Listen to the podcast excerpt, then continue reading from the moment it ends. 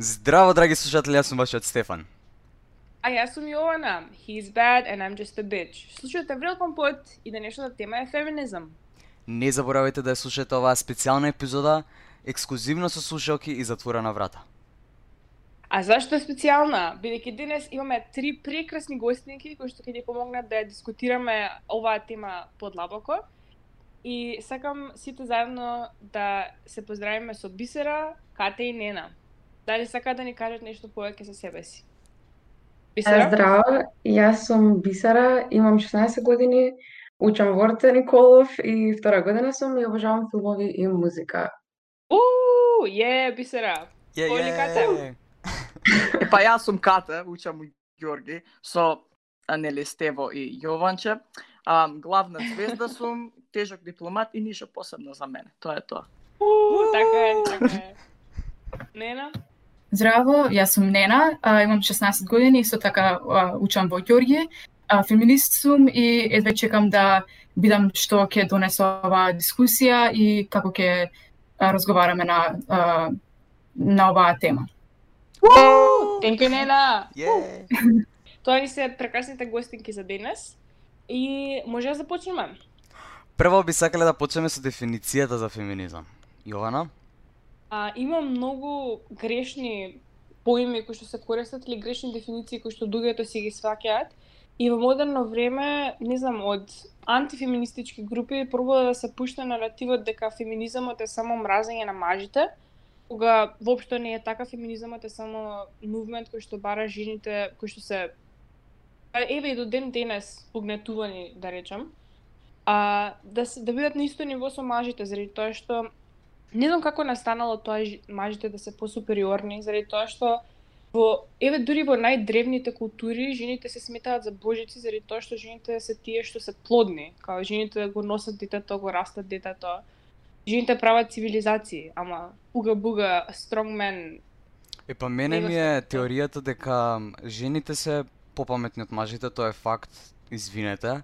А, ама така е. Така е. а, Стефан се пази да не го да не го джампнеме после епизодата, така е. така. Approximately, approximately две години се понапредни во мозокот, во мислење, во паметот од мажите и а, мажите се плашат од тоа, затоа што крај крајва мозокот е најсилниот мускул кој што кој што го имаме. Исто е. така факт е дека мажите се а, по а, мускулно разградени и дека се посилни со тоа што затоа што мажите се плашат од паметните жени, нели глупавите мажи се плашат од паметните жени, зимаат и со сила се ставаат како а, quote on quote алфа или се ставаат предходно. И затоа на некој Да, начин има многу ги затнуваат жените и тоа е многу огромен проблем и треба да се збори М. за Не сваќам зашто има толку дупли стандарди, пример, а, они се тепаат пошто се машки, или кој ако те тепа те закачува, значи дека те свија.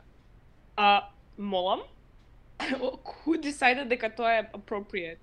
Или она што е, ако жената имала многу sexual partners, она е курва, а ако машкото имало повеќе sexual partners, он е player, и е многу јак, и е легенда, и е цар, гази баки. Така, не. другите мислења ваши? Тоа е еден од најлошите те- моменти, оно, женската е ваква, ваква, ваква, ако прави нешто, а мажот е, у, ајде да го признеме, он е бог, он е ваков, така да Така е. апсолутно се согласувам, значи, тоа е ненормално. Не знам тоа зашто уште постои, значи, 2021 сме, бат. Така и уште ми фиднува, му го фиднува егото и он за друг пат да знае да биде како брат, јас сум цар, онака како цел цел клас го имам поминато таму и на бившите сите другарки ги имам поминато и ако го кажа тоа а, А женска ако биде и го имам поминато во овај, а види оваа курва бега, оваа сида ќе ти пренесе, Да, бега, оваа да. ваква, е, таква, е, да, да, да, да.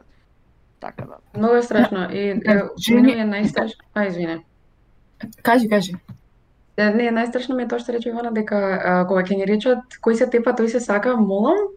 Тоа е најстрашното нешто сум, што сум го слушнала научето што од мали дека е окей да, да, да си во abusive relationships и да а, партнерот било кој да е да те тепа или да воопшто на било кој начин, не само физички, туку и психички да те малтретира и ни го представува тоа како да е окей уште од најмала возраст. И тоа мене многу ме плаши и не ми се верува дека уште е се кажува на, на мали девојчиња особено. Ме дефинитивно особено со тоа што дека на Балканот многу голем дел од семејствата се значи жртви, особено жените се жртви на семено насилство и на крај ќе излезе тој на суди ќе биде која тоа е типно пошто ја сакам. Hello? Иди, Што? иди на психијатар, girl. Да, Ау, да, многу жени тоа не ни тоа. пријавуваат. Да, многу жени не ни пријавуваат затоа што самите си се правдаат со тоа после тоа. Викаат, Да, а не само- се сакаме, он ме сака затоа ме тепа од љубов. Тоа е не треба да е така. Да, не наповели докаде Да. се. Јас из, а, ко мала мислев дека е тоа така, пошто цело време ми кажува луѓе околу мене, може би не баш фамилија, фала Богу, али луѓе околу мене кои се караат, тој се сака, кој се тепа, тој се сака. На школа кажува, hello? Да, во школа, наставници, наставници кажува, али ајде.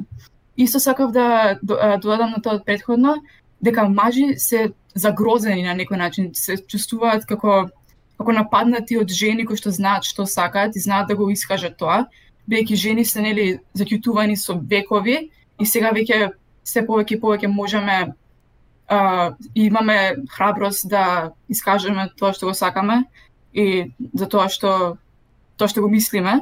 И сега имаме на мажите страв, бидејќи цело време биле нели на врвот на некој начин. А, и сега веќе тоа некако колку Го губат толку тој статус. да се губи, да. Особено се приметува пошто они се израснати во, во еве, особено на Балканот, се израснати во југословенски семејства, кај што таткото носи, мајката седи дома, и заради, тат, заради тоа што таткото е sole provider на семејството, он има финален збор.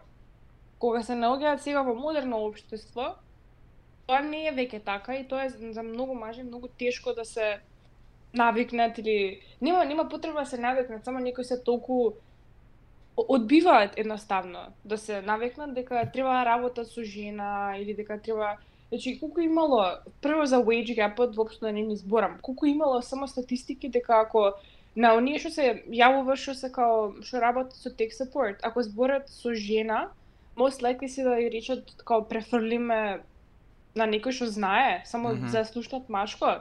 А и машкото да нема појма што збори, бидат као да, Мгм. thanks man. Така да тоа е многу И голем важно. стереотипи, Исто- стереотипите се тие што ги буткаат доле сите. Да, да. И после тоа мажите се као за, зашто не ставате сите стереотип дека сме rapist and then и сите мажи биле like, сите жени се курви, сите жени не знаат за коли, сите жени не знаат за спорт. Girl, make up your mind.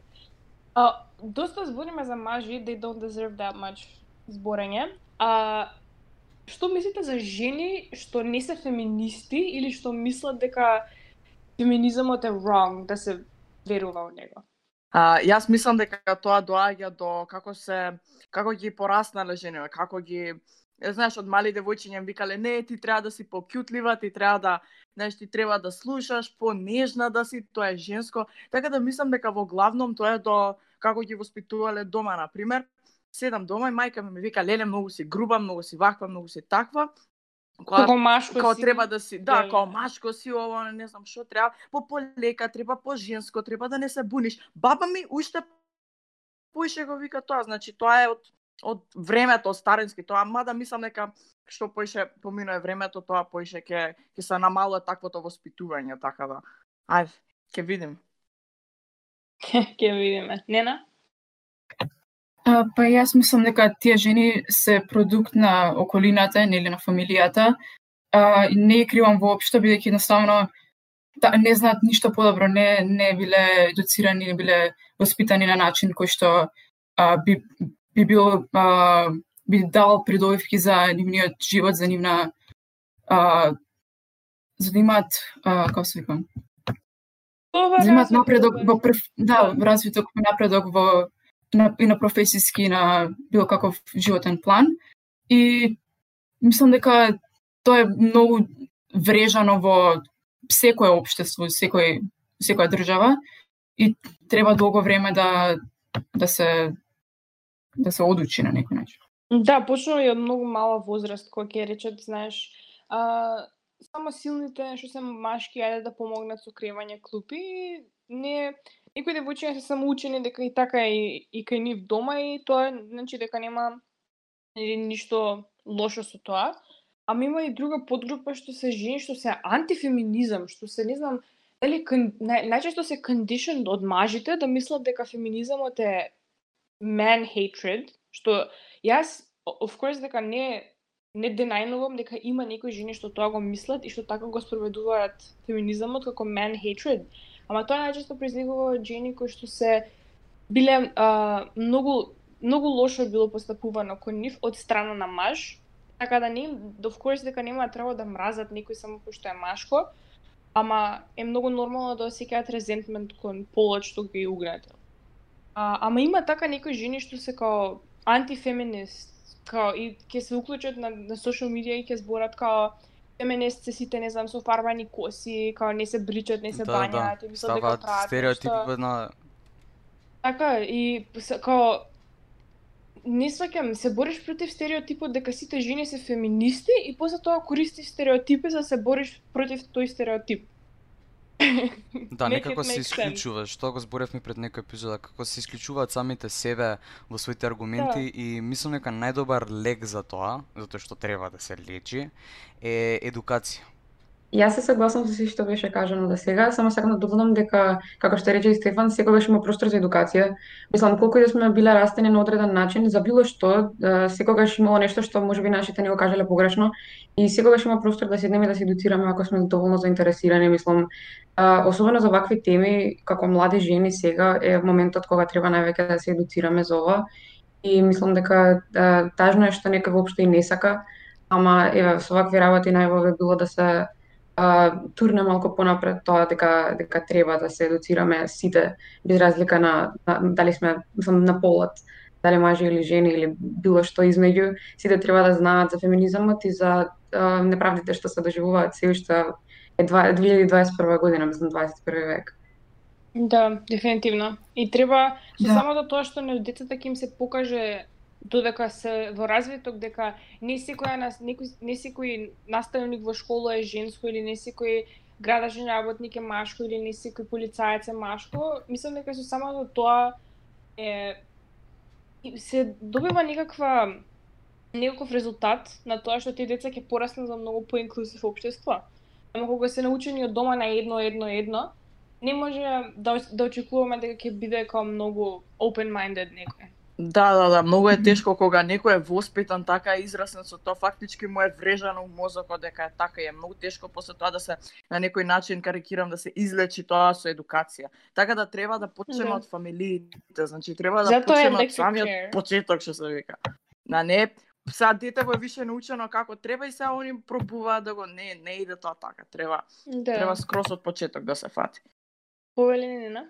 И а, јас сакам да се да, допол, да дополнам на тоа за антифеминистите, односно на антифеминистичките а, жени, жени што нели, а вакво тоа мислам дека освен од тоа ш- начинот на кој што се пораснати, не можеби го традиционално семејство, мислам дека е, е под влијание на мажи кои што како што реков од преска, што се загрозени од жените. И тие мажи се тие и сите тие мажи кои што прават uh, go to the kitchen uh, jokes, uh, што жените, не знам, на некој начин, на некои жени им треба, да речеме, ете, валидација од мажите и Мгм. затоа мора да мора некако на нив да им удоволат и затоа и продолжуваат а, затоа се против другите феминисти. И многу често сум слушнала жени им е страв да се или срам да се идентификуваат како феминистки или пак кога ќе се идентификуваат како феминистки ќе кажат а не ама ја не сум како тие таквите не сум не сум јас вака баш така не сум екстремист не сум ова не сум она и тоа е проблем и и girl знам феминизам е едно, нема, нема феминизам Да, да, да. таков. Или си со нас, или си против нас. Да, и као работата е од тоа што пак не се они криви, не се тие криви за тоа, бидејќи едноставно општеството ни е така центрирано на мажите и тоа што они, тоа што тие го мислат, а, тоа што тие го сакаат и не не е кривам воопшто. Иначе, before uh, y'all мажи што слушате, кам at us, као, а, вие користите само стереотипите, дали вие стварно сте искусили нешто такво? Значи, јас можам да ви кажам comfortably дека сите гостинки на епизода, вклучувајќи ми мене, од прва рака искусиле нешто такво да им биде кажано, како и други awful коментари од мажи, дали се согласувате? одредени Да. classmates од мојот клас. Така да, дури од самиот клас го искусуваш, не па од други мажи што не те не знаат. што А, даваат вака, за не, не за коментари, нема никакво место, никој ни право да коментира на епизодава, поготово од машкиот пол. Еве сега тука кажаме, што и да кажете, како и да кажете, игнорирано ќе биде, значи, поготово ако- е hateful. Да, значи и Да, Стефан ќе искрено. Еве, он е муж. Да, Така, он е, он. И искрено, ако имаш негативно мислење за феминизмот, girl, не е до нас, до тебе е. I would suggest да си закажеш на психолог. Talk about it, maybe. Или психијатар, све е исто. Може боле ќе функционише. Директно на антидепресиви. Директ.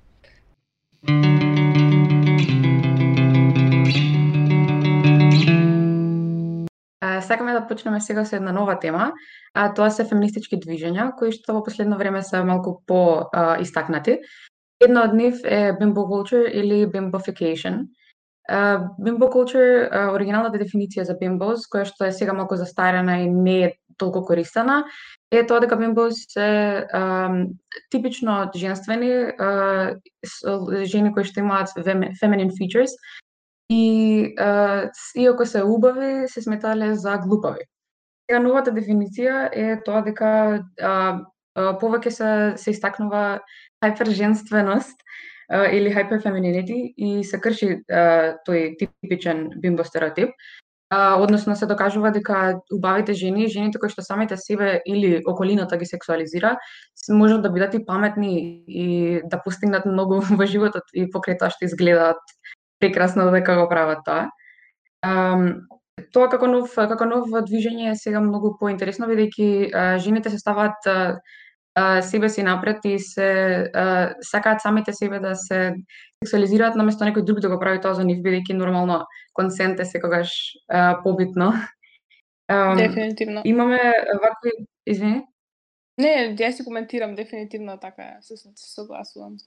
А, да, значи, е, имаме холивудското представување на тие хиперженствени ликови, односно hyperfeminine ликови, е, малку по а, лошо представено бидејќи ги прават како тие сите да се злобни.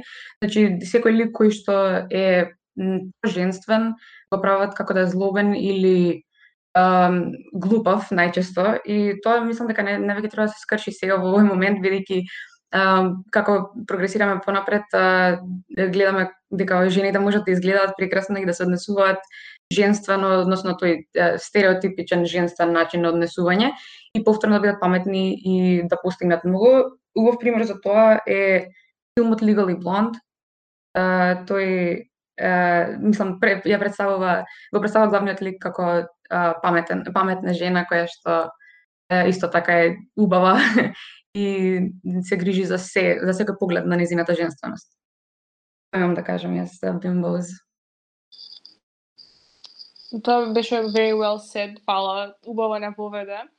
И така е, стварно е така. Например, немало никогаш јак карактер во медија, што е многу женствен, што е многу убав, без да биде а, да биде глуп или да биде само како sexual object ставен. Пример, се ставени, например, во, ево, во најобичен пример, во fucking Scooby-Doo. Велма е направена, треба биде бубалица, треба биде така да се облака многу по само во джемпери, дека она е, нели, the smart one. И Дефни што е као, нели, што треба да е под, ова се е под air quotes, пошто beauty, beauty е многу subjective. Таа што треба да е убава и Жуди таа што само као така само помага од страна. Мислам дека е многу тажно што од мали не мора да се и од мали и, големи луѓе да ги гледаат тие цртани ко им се потврдува во мозокот дека а да така е. И со bimbo culture на пример се се крши тоа дека и добро што ако е глупо девојчето. Као тоа не го прави ако не е толку bright и самото знае дека не е толку bright, тоа не го прави less of a human, како колку глупави мажи што се преправале дека се кузна што стигнале на високи позиции. Пример, fucking Доналд Трамп, сте го виделе, беше fucking президент на Америка. Така да, мислам дека тоа е многу многу лош наратив и ми е многу мило што се, нели, што не се менува, ама пробува да се менува светот и се надевам дека се повеќе луѓе ќе го прифатат. А, мене ми е жал што што има што кога ќе видиме на телевизија некој филм, некоја серија, убава жена што е исто така паметна, сме како вау, леле, не ми се верува Како, конечно. shit. Да, а ка, не, не ми е јасно како не не треба биде така, треба биде многу нормално, биеќе нормално у с- светот. А, а инаку за bimbo culture малце надвор од а, филмови медија, медиуми, а, сакам да кажам дека bimbo culture нели ја е против тие стереотипи дека нели секоја жена што е убава е, е глупава, а исто така и е, кажува дека не нема проблем со тоа да си глупав, значи не мора Да, не да не си паметни. толку bright и да не те интересира Да. да, бидеш толку паметен. Да, може да бидеш а, успешен без да бидеш не знам колку паметен. И исто така дека bimbo culture е и дел од choice feminism. Тоа е а, а, basically а, секоја жена има избор и тој тоа што ќе го избере е, тоа што прави избор е феминистичко автоматски. А, но а, не знам, а, можам да ве прашам вас дали а, се согласувате да ме, а, ако ако жена некоја избере да живее во традиционално општество каде што нели мажот е а, столбот на куќата, дали нели таа го избрала тоа, но сепак е тоа базирано на сексистични а, верувања и ставови на луѓето и нели тоа е врежано во општеството што одамна, дали е тоа феминистичко или не? Тоа е а, дилема што Па што тоа е, имаат. да, тоа е добра дилема, ама според мене, не знам сите имате мислење на ова сите да си кажете, а според мене, ако тоа е conscious de- decision, што е consensual и жената знае што прави и не е coerced од било што друго освен од себе си, колку и да е тоа од од историјата и од нели врежаните вредности, сепак да произлегува како незина желба, тогаш е completely okay, се додека не го поддржува мажот ти и не се и не го прави тоа она, значи на други жени и на други семејства да го буткаат нивниот стил на живот. А инаку ако се happy и тоа ги прави happy, тоа е conscious decision, немам ништо со тоа се додека жената Да. е почитувана во семејството и е срекна. Ама да тоа е работата колку може да биде свесна за тоа- за незините избори и а, од што се тие што што влијае врз нив. А, и да, тоа не знам, јас уште не знам кај стојам на тоа баш. А, сакам да кажам тоа за изборот. Не секоја жена има избор, не секоја, не, не секоја жена може да да и Да, текне тоа еден ден, ја ќе бидам бимбо, ја ова, ја ова. А, нели, не секој избор е феминистички што го прави жената. А, нели, има многу жени кои што како што рековме предходно, а, антифеминизам. И едноставно, мислам дека е погрешно тоа, а, choice феминизам е погрешно и штетно, а, поради тоа што нели не секоја жена има избор, особено во а, случаи на а, сексуално малтретирање, секс work, така на Да, да. Јас немам нешто посебно да кажам за ова, се согласам со Јована, мислам дека а, ако жената си ги знае другите опции, би рекла дека и, и самата знаеш во што влегува со тоа што бира да живее, да речем, во некоја потрадиционално општество, тогаш се согласувам дека е дел од феминизмот, ама исто така се согласувам со Нена дека е, ова е малку, да речем, подискриминирачка тема, затоа што е, може би, не, не може би, туку не сите жени имаат избор и право на избор воопшто во не сите жени живеат во такво општество како што живееме ние, за да можеме да одбереме како би сакале да бидеме представени. Да, не сите жени, има некои жени што не ни знаат дека можат да изберат нешто друго, а не па да, да си ги знаат другите опции. И не можеш сега тука да како? прашаш дали е феминистичко, ако не си ни свесни од а, Да, ситуацијата. тогаш е тогаш е автоматски а, модерен пример на жена која што е угнетена заради тоа што каков живот живееш ти ако нели не знаеш што друго можеш да избереш. Тоа е како на детето од мало да му кажеш ти ќе бидеш полицаец, бидеш во полицајска академија и нема никаков на никакво друго нешто да се посветиш. Не можеш да идеш на пијано, не можеш да идеш на фудбал, ти само за полицаец ќе тренираш и, И тоа цел живот ако тоа му е кажувано, така ќе испадне. Да, тоа е тоа е поголем проблем што мислам дека е пак во воспитувањето на на жените. Заради тоа па- што и- искрено различно се воспитувани жени и машки. Тоа е тоа е како факт.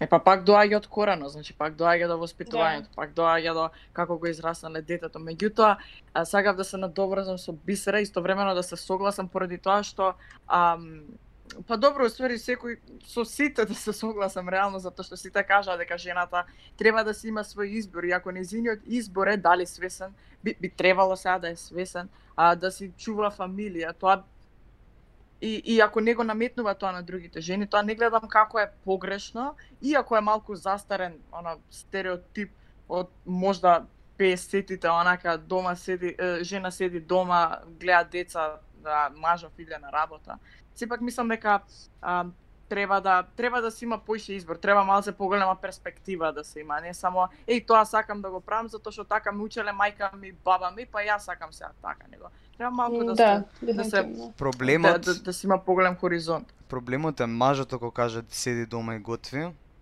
Ама тоа е Тоа е проблемот. А, а Значи, ако она, на пример, сака да биде stay at home mom, а, има многу кои што сака да бидат stay at home moms и dads, Тоа нема значи, никаков проблем. тоа Да, нема проблем. да, да, Ама да, ако е- кажано така да биде, или нема друг избор, или не е свесна, тогаш има некој проблем тука и тоа Многу е глупо кога мажот ќе каже у кујната чувај деца. Океј, тогаш ти иди само ти на работа, плаќај за себе куќата, биди респонсибл за сите наши дейт, се што е романтично поврзано, ти треба да го почнеш, ти треба да правиш муавет, ти треба да ме бркаш мене. А, купи куќа, погрижиш се за mortgage, се сам. Значи, ќе работиш по цел ден на работа, двајќи си ги гледаш децата. У такви relationships во нема многу романтизам. Па добро, да. Исто, мислам дека за тоа што се што збориме од коренот од коренот. Пак, значи многу во, особено на балконот гледам дека на мали девојчиња што од многу мали им се ам, на пример пренесени многу грешни family values. На пример, нив уште од мали ги учат кога си најдеш маж и кога знаеш бидеш во брак. Ја не знам зашто не ги учат кога завршиш со образование, кога имаш кариера, кога ќе бидеш срекна со себе си, со тоа која си како жена. Ама тоа е најверојатно само нешто што е длабоко закоравено. Како и на Или- Балканот, така и во светот. Или најди богат маж, сите проблеми ти се Така решени. така Живај е. си. Живај си животот, ништо ќе не мора Некој да богат стар да Најди и богат маж. Тоа е, тоа е, тоа е пак има тоа е дабл како како што тоа е меч со две острици.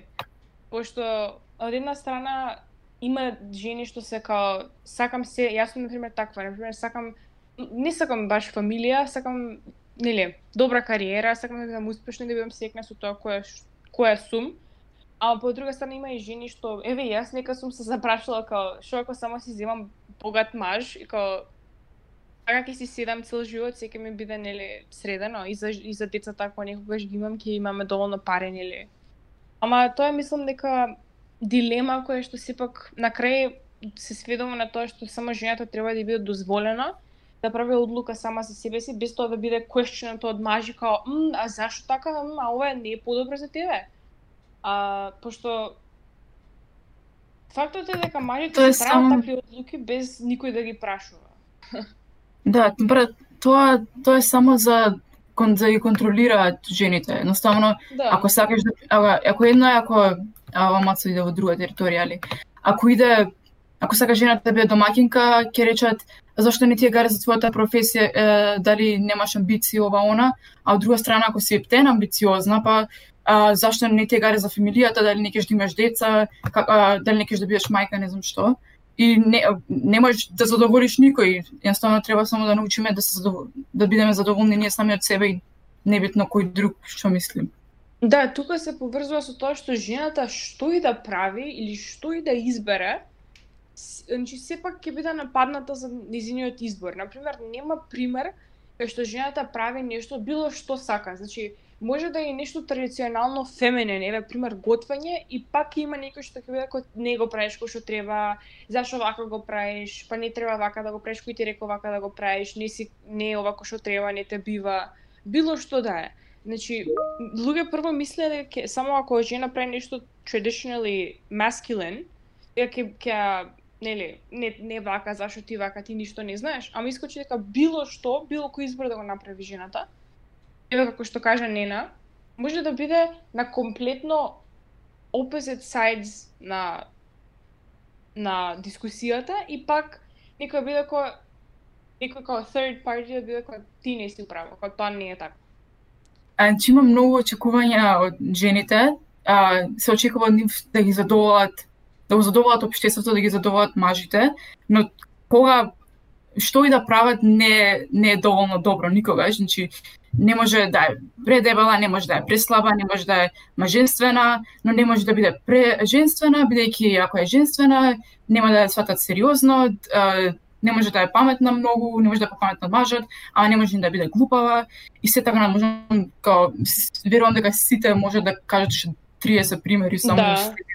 Дефинитивно. Да, и Да. се што прават жените се критикува, буквално. А, чист пример, на пример, кога, еве да речеме, а, One Direction, кога сите ги сака One Direction, кога имавме како, не знам, 12-13 години, а, барем наша генерација, сите постари мажи, мажи 20 кусур, 30 кусур години, да ругаат, да навредуваат 16 годишните војчиња и помали, затоа што сакаат бенд.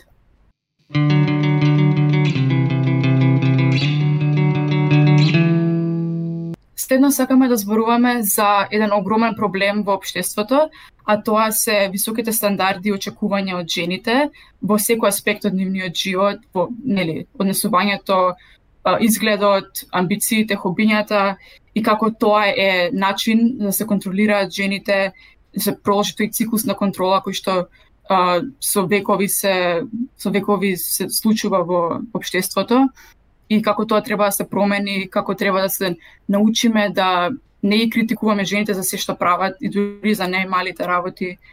А, како на пример а, не знам, начинот на кој што изгледа тоа што го носат, облека, а, тоа што сакаат да бидат Шминката. а, како професија, шминка, а, хобиња, нели, кои, кои каква музика сакаат да слушаат. Мислам дека сите тие работи се нели, не се поврзани со другите луѓе, ама други, другите луѓе сакаат да го контролираат тоа кај жените. Дури и начин Да, на изразување, на зборење, го имате приметено тоа? Да. Каков е Да, ставено тој да. стандард на како треба некоја новинарка или некој лице, жена да биде представена Да. со низиниот тон на, во, на, на звук. И тоа мене многу ме иритира затоа што не знам проблеме, не, не треба да кажеш на некој како треба да, Да. звучи. Да, Да, или дали како да го контролира гласот, она, како треба жена да збори потивко, понежно, по ова, по не ме гледаш мене, онака зборам го. И јас многу многу сум гласна. Да. Па дали сте виделе овие на вести жените, нели, на да, е, е, да речеме на вести кои што кажуваат сериозни работи, нели? Секогаш мора да носат сако. Зошто? Па И да, се да, дошли да, по-професионално. а, по muted color colors на на себе. Што и Да. да носат секогаш не привлегува внимание на себе. Добро, тоа може да е повеќе Да, на се нели, за- затоа што зборуваат сериозна работа, ама мислам дека не е така секогаш кај мажите, повеќе е кај жените. Да, да, да. Исто И- не сам кажи кажи. Да се разбере дека не треба жените да носат, не знам, туту фустанчиња додека збора за некои сериозни проблеми. Да тоа и мажите нели не треба, но сепак мислам дека тоа такви некои а, типи, а, стереотипично а, мажествени облек, а, начини на изразување, начин на облекување, начин на представување на себе си, а, се а, сватени за посериозно, а, како посериозно. Например, имам е, видено едно видео, ова не можам да кажам точно од каде, а, но имаше видео како две жени кои што работат во office job, значи, нели, во некоја фирма. А, и едната жена е, мислам дека или директор или како ко-директор, и другата жена само што дошла во во вакво, во фирмата, само што се вработила. И овако што е ко-директор е се лекува по мажествено, по сако цело време, а оваа што дошла носи фустани повеќе и сака, а, ова е важно за тоа кажувам, а пос- после прашува, оваа кој што се, сега дошла, ја прашува другата, како ти стигна до а, оваа позиција, бидејќи, нели, а, ти си ми инспирација, сакам да знам како да се подобрам. И оваа ко-директоркава и вика, а, па да почнеш од тоа што нема да се облекуваш вака. Мгм. Леле, да, Најсериозно го вика тоа. Леле. Катастрофа. Замисли, значи тоа е тоа сакам да го кажам дека не секогаш доаѓа од таа тие како угнетување не секогаш доаѓаат од мажите заради тоа што како што ги знаеме нашите favorite uh, pick me girls што мислат дека кога ќе видат жена што е comfortable во низината во низиниот као femininity и одма се као пошто најчесто произлегува тоа што бараат машка валидација се као да ја не сум као низа, ја не сум као man hater, као се бањам, не ми немам плава коса, као не се шминкам толку многу, јас сум all natural, као не носам толку girly shit, буквално ни прстук не носам hello, јас сум one of the guys. И тоа мислам дека и, и тоа фиднува во толку негативна наратива, као girl, кого импреснуваш? И ти си девојче исто тоа што го кажат за таа, ќе го кажат и за тебе, као што не сваќам од каде доаѓа тоа дека ако бараш валидација од машките, ќе те гледаат како боле? не, не знам. Да, и јасно. имам уште еден проблем во филмовите, бидејќи нели филмовите многу ни влијаат на сите, особено ако, ако ги гледаме како деца. Нели, а, многу често ќе има нели некој а, некој пар, нели машко и женско, а, најчесто нели, а, мај, а машкото ќе рече а ти не си како другите, а, ти ме разбираш, ти а. ова, она, ти ова, она, а, и нели тоа таму потекнува тоа ствари not like other girls, тие што сакаат така да се идентификуваат.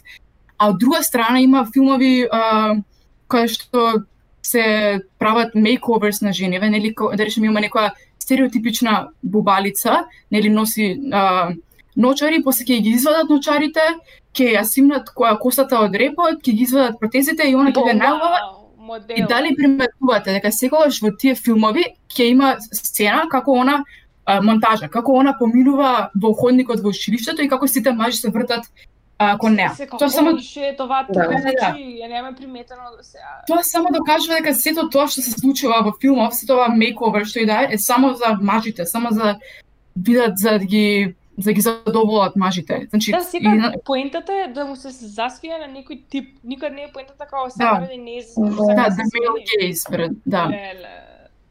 И 95% од овие сите филмови се направени од white cis men, така да Да. е, секогаш е истото, секогаш е истото и многу е глупаво. Мгм. Па Да. тоа е тоа затоа што тоа, нели, а, да се навратиме на оваа женскава што не е као другиве женски, а тоа е оно cool girl троп. Значи јас сум one of the guys, ја не носам шминка, јас сум cool, не знам шо, ова, она. Тоа е уствари некој вид на машка фантазија, значи тие женски не се произлезени од од жени направени, не се тие карактери направени од а, некоја жена што го режи, режирала филмот. Така да тоа е све машка фантазија, значи тие и и и вистински женски што пробуваат да се понашаат како нив или што други ги гледаат како идоли, стварно треба да да сакао да кажам да не звучам навредливо, не да се симнат на ниво, меѓутоа треба да ги земат во обзир вистинските жени, треба да вистинските девојчиња какви се, а не а Да, не- заради тоа што као ако не можеш да се сметаш себе си за functional member на женско општество ако брингнуваш down други жени. Као- Да, да, и тоа е тоа е другиот проблем, значи не можеш ти да си феминиста а да мразиш други жени, значи тоа не работи така. Значи Да, е единствено мразиме само Толку е жени што хейта и на крај Леле, зашто не сваќам? Значи тоа е као не можеш кога ќе зборат као за било, значи било што направи жената се као ова, на пример, ова е, не знам, многу не е- многу е маженствена, ја не сум као нејза, јас сум поженствена. Ама ова е као премногу женствена, ја не сум као нејза. Girl, pick a side. Да, не можеш никој да те задоволиш. Никогаш. само Пошто треба да се сепак ќе ти најдат да си нешто што фали. така да. Наравно, учење, биди си ти, кој сака ќе те прифати, Да, те прифати, кој не ќе да те прифати, нема да те прифати, кој го ебе. Така да е. Да, и само Така не ругај други жени едноставно. Да. Не, Без јас разлика тоа не го дали- Не им е разбирам. знаеш Значи, Да, да. приказната. Не им е знаеш А, да. приказната. мес- И тие не ја знаат самиот, која абе самиот а, концепт на феминизам е као жените да се на една иста страна и заедно да работат и заедно да да се борат за нивните права, а не една жена да да а, да битнува друга жена затоа што таа е болја од неа или или затоа што се осеќа третен дека таа е по а, а, феминин од од неизе или дека е по маскилен или поише ја сакаат машки. Значи тој целиот концепт е катастрофа Тоа разбран од од мажите. Да, и тоа пак произлегува затоа што некој маш направил филм за некоја женска што е cool girl, не знам што, од машка фантазија. ме. Значи, Да, да, да, сепак мажите го го Патриархот е Тоа е наратив. на се во ова. го цртаат се наративот. на се во светот. Барам Да. лайн епизодава, мажите се проблеми на се во светот. Се заебаваш, ама Така како ќе речем, Ама, Ама- Ама- Секој за има дали? вистина. не Така. жените да бидат председатели, многу се emotional. Girl, буквално сите војни се почнати од мажи. Hello. Да. А може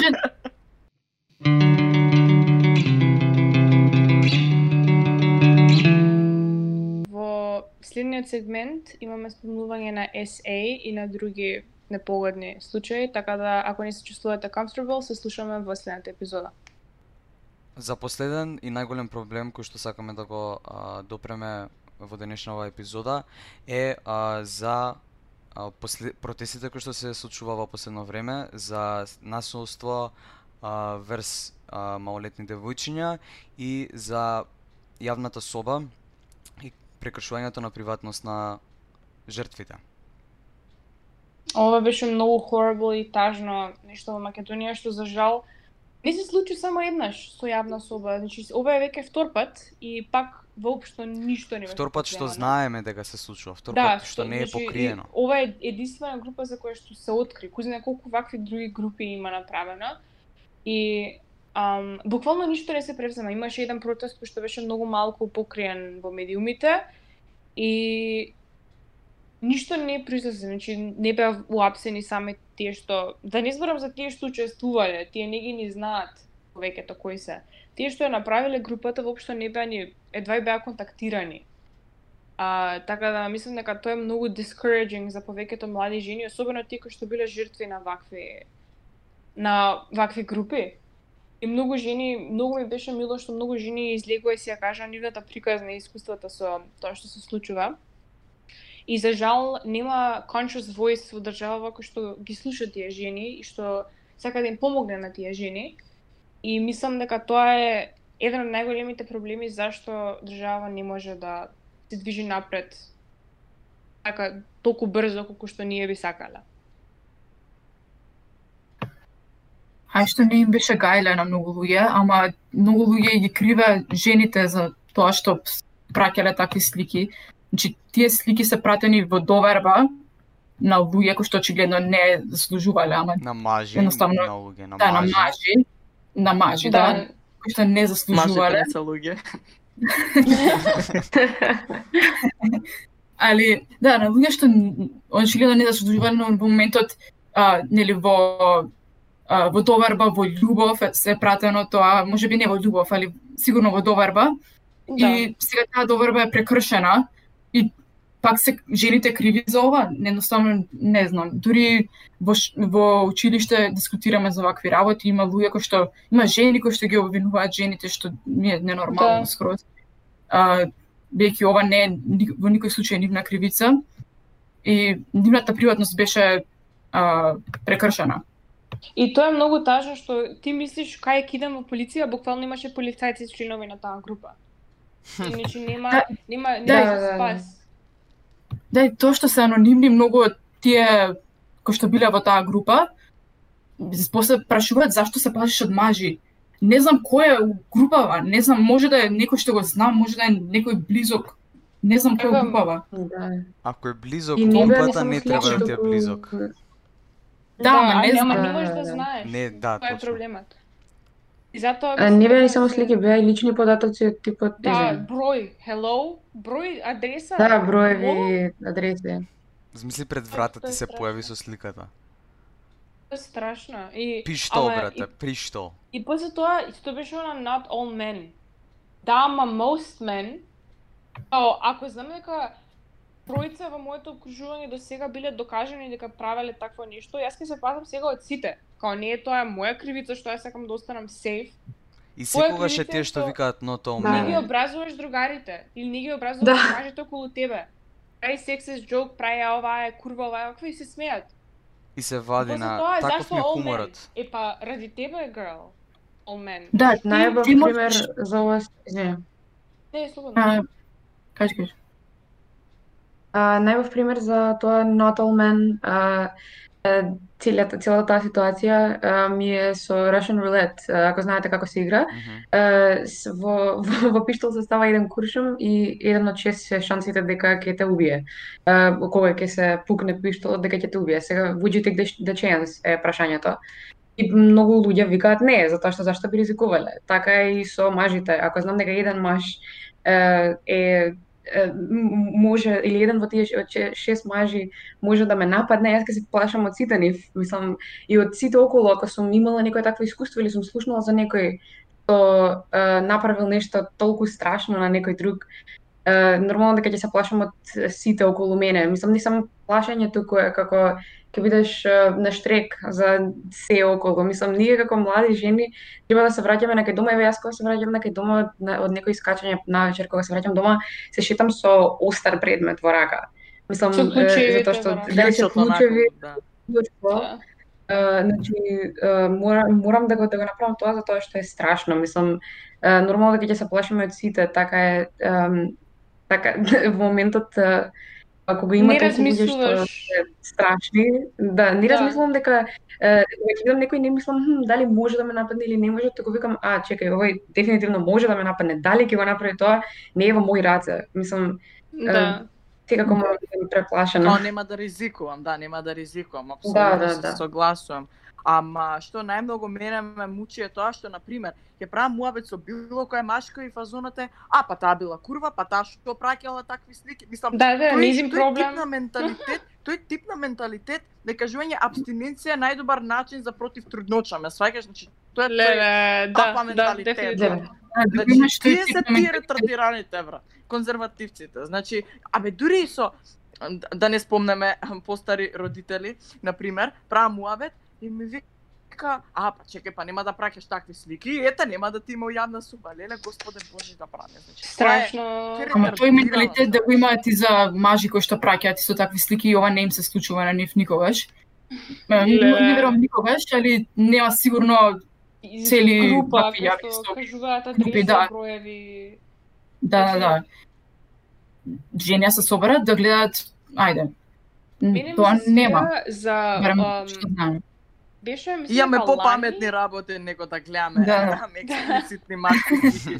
така, Само бе. нешто На никој не му требаат, на никој не му требаат. Само што нешто да кажам за да се надополнам на бисера, за тоа а, нели кога се враќаш дома, значи може човек да е најљубезниот, најочтивиот, најдобриот маж што постои, а позади мене ако оди додека се враќам сама дома, јас ќе мислам дека јас ќе се плашам, јас едноставно ќе ќе Да, бидам Да. on edge, како да тоа кажам. е порака до А, сите ако мажи. си, да, и ако си на вистина тој најдобриот, најочтивиот, најљубезниот, ќе сватиш зошто се чувствувам така и ќе пробаш да ме да направиш да се осеќам подобро или да скршнеш да, пат, да не ме помини улица или успори или застани, за да знаеш дека не те оди од следи. друга улица. Ми се има така случајно во фала Богу во аеродром имало некој sensible човек што идев навечер со куќето и обично навечер има такви луѓе што ти се те кетколнуваат, јас сум буквално во пижами, ама нема везе тоа вајда. А, и типот као идам ја и многу забрзано одеше и бев готова, као да се зет, да, и барам место кај ќе трчам ако почна да трча по мене. И типов примети дека онака буквално испаничено почнам да се движам и кога застана и кога помина од другата страна на, на булеварот и бев као, окей, добри сме, we'll, we live another night. И тоа е као голема порака до сите мажи што ако сметаш дека си толку добар, биди дел од феминист мувментот, да кажи на другарите да не се собирате у групи, да не идете по некој девојче, да не, не да не викате некој дека е курва, да не праќате ничеви nudes меѓу себе, да не да не само да не фиднувате во тој стереотип за кој што вие толку се борите дека а all men. Покажи дека all men, не само да го кажеш тоа и пак после да го правиш истото. Секата така. тие што викаат all men се тие the men.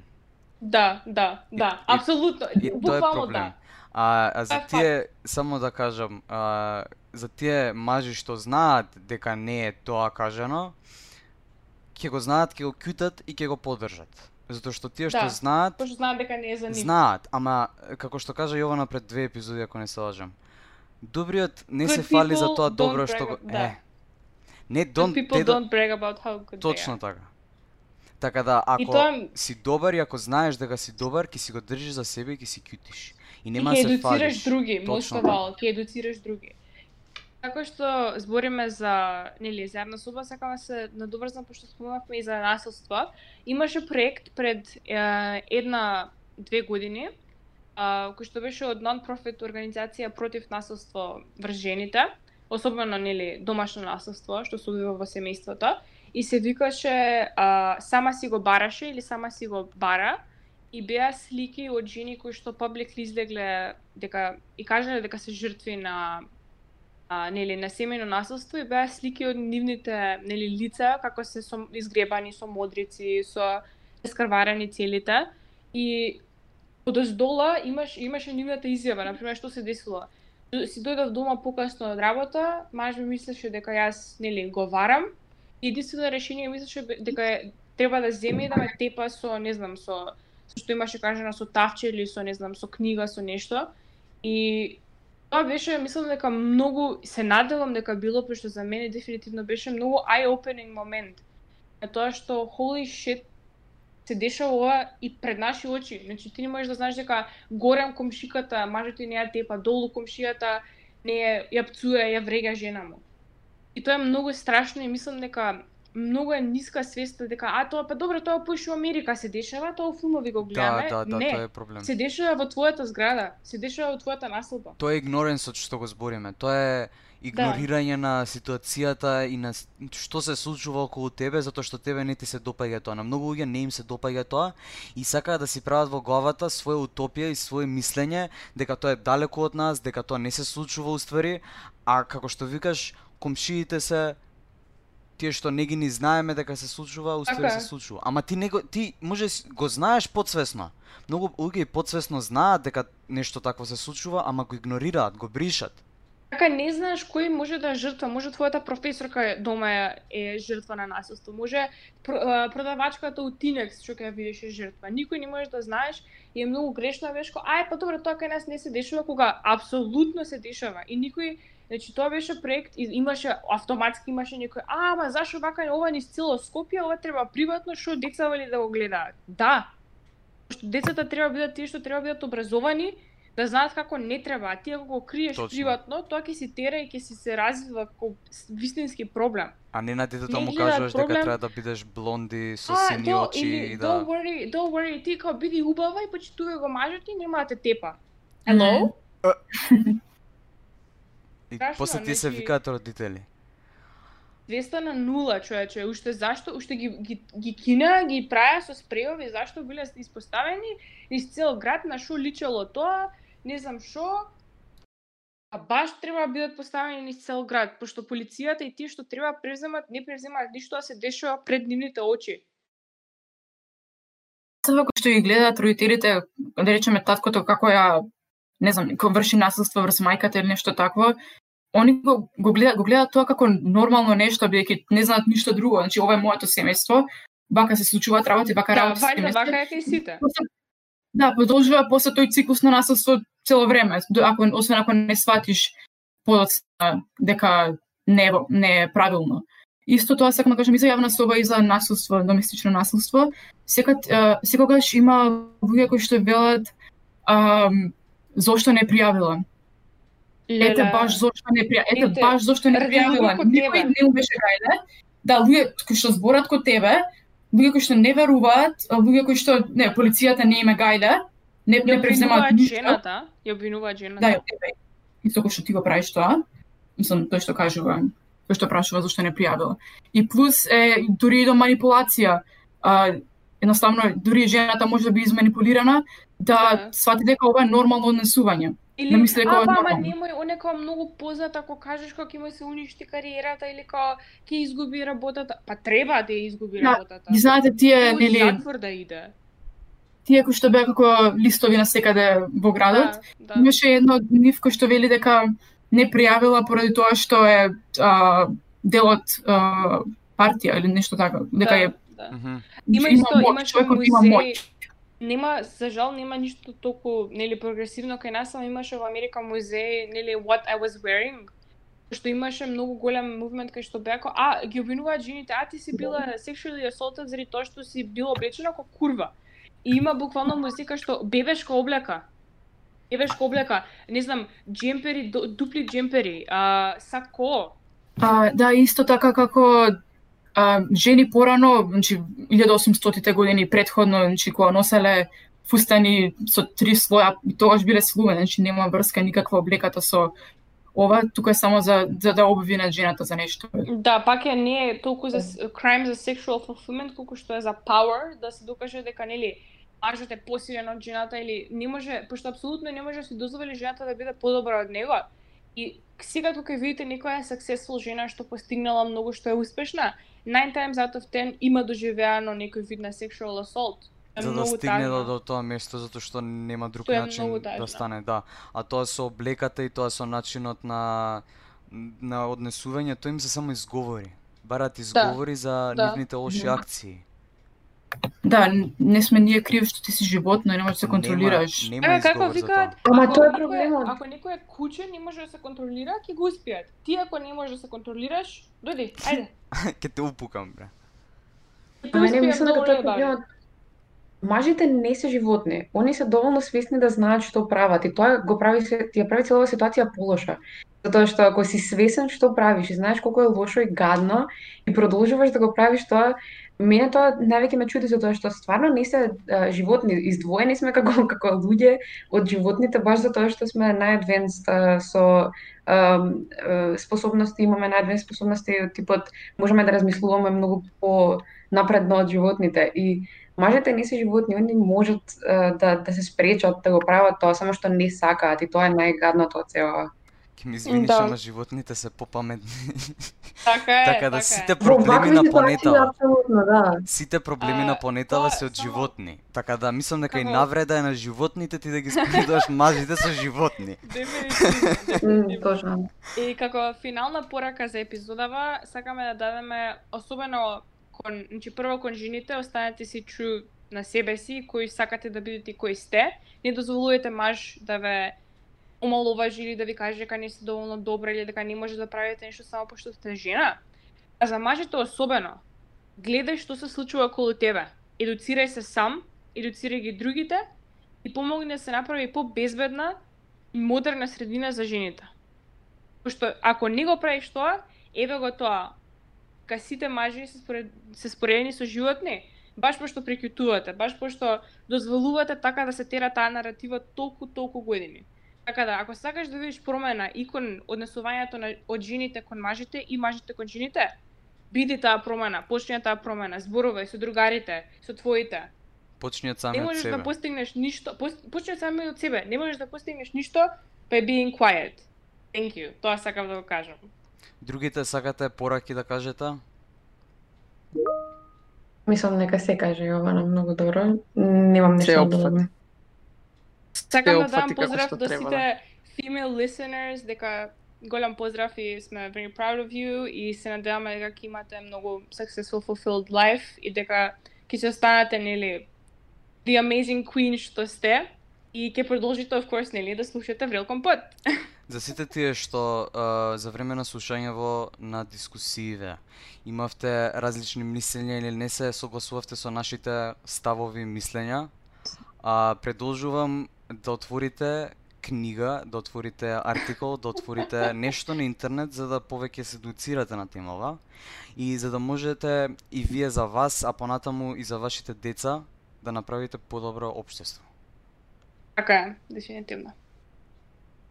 А промената има уште многу додека да дојде на тоа еднакво ниво. Далеку сме, ама Далеку треба сме. некаде да се почне. И време е некаде да се почне. Ама нема да се кјути веќе. Нема да Да. се седи, нема да се а, биде да, да се биде игнорент на на Да, темава. кога ќе видиш проблем, значи call it out. да. Тоа име презиме. Нема зашто да кјутиш, ништо не постигнуваш. Нема више кјути и трае. Така е. Така е. Уште еднаш фала ви на сите што слушавте и Don't forget to live, laugh, love. until next time, stay sexy.